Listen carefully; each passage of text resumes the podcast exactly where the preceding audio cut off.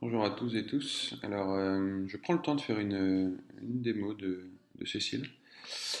Donc, euh, Cécile, comme son site web l'indique, c'est un générateur de sites statiques euh, orienté contenu. Donc, l'objectif, euh, c'est à partir de contenu écrit, formaté en Markdown et de quelques templates Twig de générer un site web statique.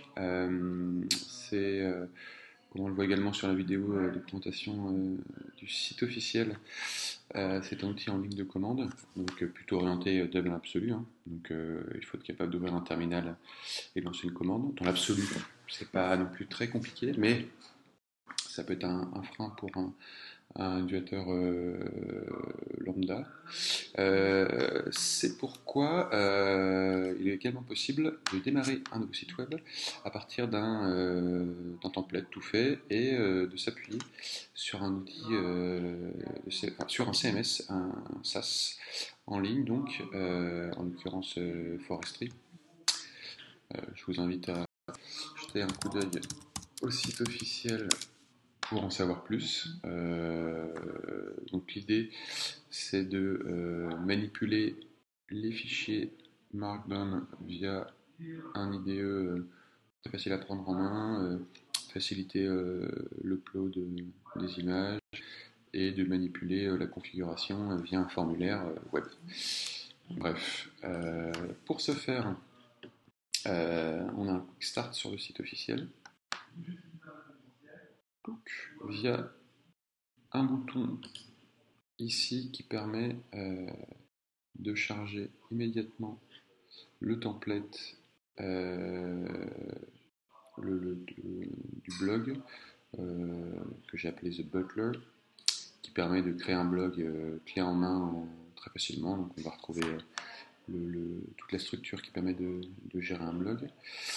Alors allons-y concrètement D'abord, on s'authentifie. Ok. Forcément, j'ai un compte GitHub et je vais pouvoir importer ce template sur mon compte perso. Ma connexion n'est pas très très bonne ici.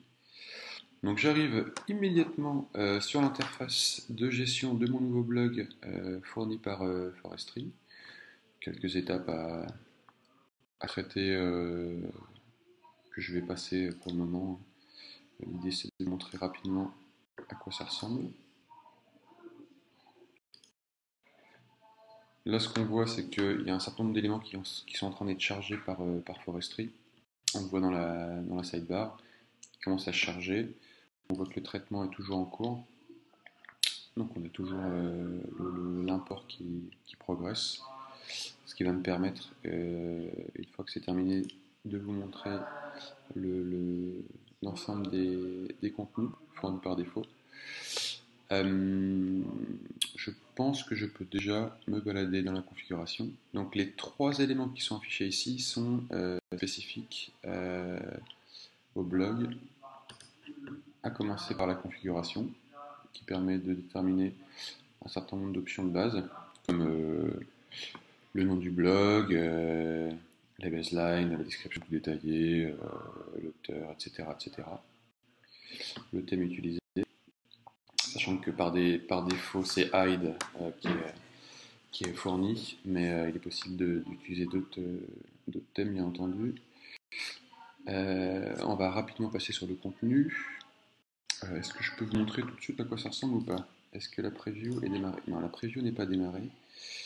Là, c'est aussi un élément qui est euh, très intéressant avec Forestry, c'est que euh, Forestry est capable de générer le site à la volée pour avoir un aperçu des pages. En théorie, il est préconfiguré. Je vérifie. Ouais. Donc, je pense que j'ai juste à le lancer. Ça fait un moment que j'ai pas fait la manipulation. On va vérifier de suite. Alors, Forestry clone le repository. Première étape.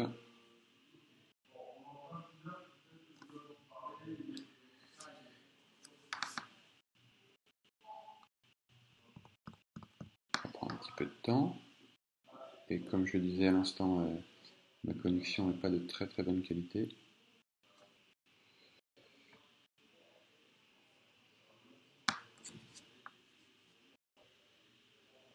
Installation d'indépendance, en l'occurrence installation euh, du binaire euh, Cécile, plus euh, les thèmes, il y en a deux, et le site est buildé et servi. Donc là, en théorie, on peut avoir un aperçu de n'importe quelle page. Par exemple, la page à propos. Voilà, l'interface de Forestry est très simple. On a d'un côté sur la gauche euh, les, variables de la page, euh, le titre, la date, et euh, ici en l'occurrence le menu dans lequel se trouve cette page, le menu principal, main, et sur la droite le contenu en tant que tel de la page, qui est écrit en Markdown. Et l'avantage de Forestry, c'est que on a un IDE qui nous permet très facilement de saisir du texte, de le mettre, mettre en gras, etc. etc et d'avoir un aperçu du résultat euh, buildé, donc euh, ce que l'utilisateur final verra. Voilà. Et on peut naviguer euh, à l'intérieur du site, revenir sur etc. etc. Là, c'est un billet euh, d'exemple qui est mis en, avant qui parle de Daft Punk. Si je reviens, j'aurais pu laisser ouvert cette page d'ailleurs. Si je reviens d'ailleurs sur la gestion de contenu, dans la section blog, j'ai trois billets d'exemple. Celui qu'on a vu à l'instant, euh, j'en ai un sur Process Monoké par exemple.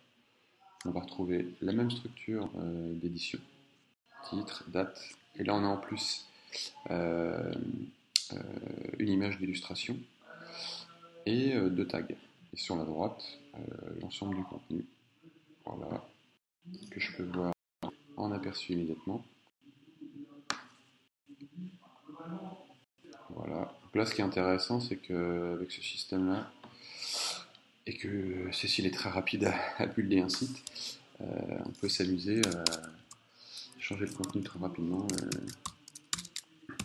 Ceci est un test. Le test en gras et avoir un aperçu immédiat. Voilà, on voit ici donc c'est hyper commode euh, du coup pour un utilisateur euh, euh, qui ne veut pas s'enquiquiner avec la partie on va dire technique. c'est très commode pour manipuler le contenu et voir tout de suite à quoi ça ressemble. Et ce qu'il voit en preview, c'est exactement ce qu'il aura en définitive sur son site. donc là, ce qui est intéressant, c'est que finalement, peu importe comment fonctionne Cécile d'un point de vue euh, technique, à savoir installer le binaire, etc., etc., euh, lancer une commande, euh, bref. Là, tout se fait de manière assez naturelle. À partir du moment où on a la capacité de créer un compte GitHub et de s'identifier. Toute la mécanique de, Forestry vise justement à s'affranchir de toute la manipulation de fichiers, de comités, etc., etc. Donc voilà, bon bref, c'était une petite démo rapide. Et n'hésitez pas à, tester par vous-même. Le lien, on l'a vu tout à l'heure, il se trouve dans, euh, sur la page Quick Start de la documentation officielle. Et il suffit juste de cliquer sur le bouton Import to Forestry.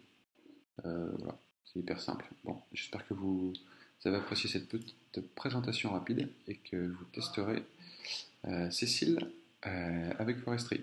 Merci.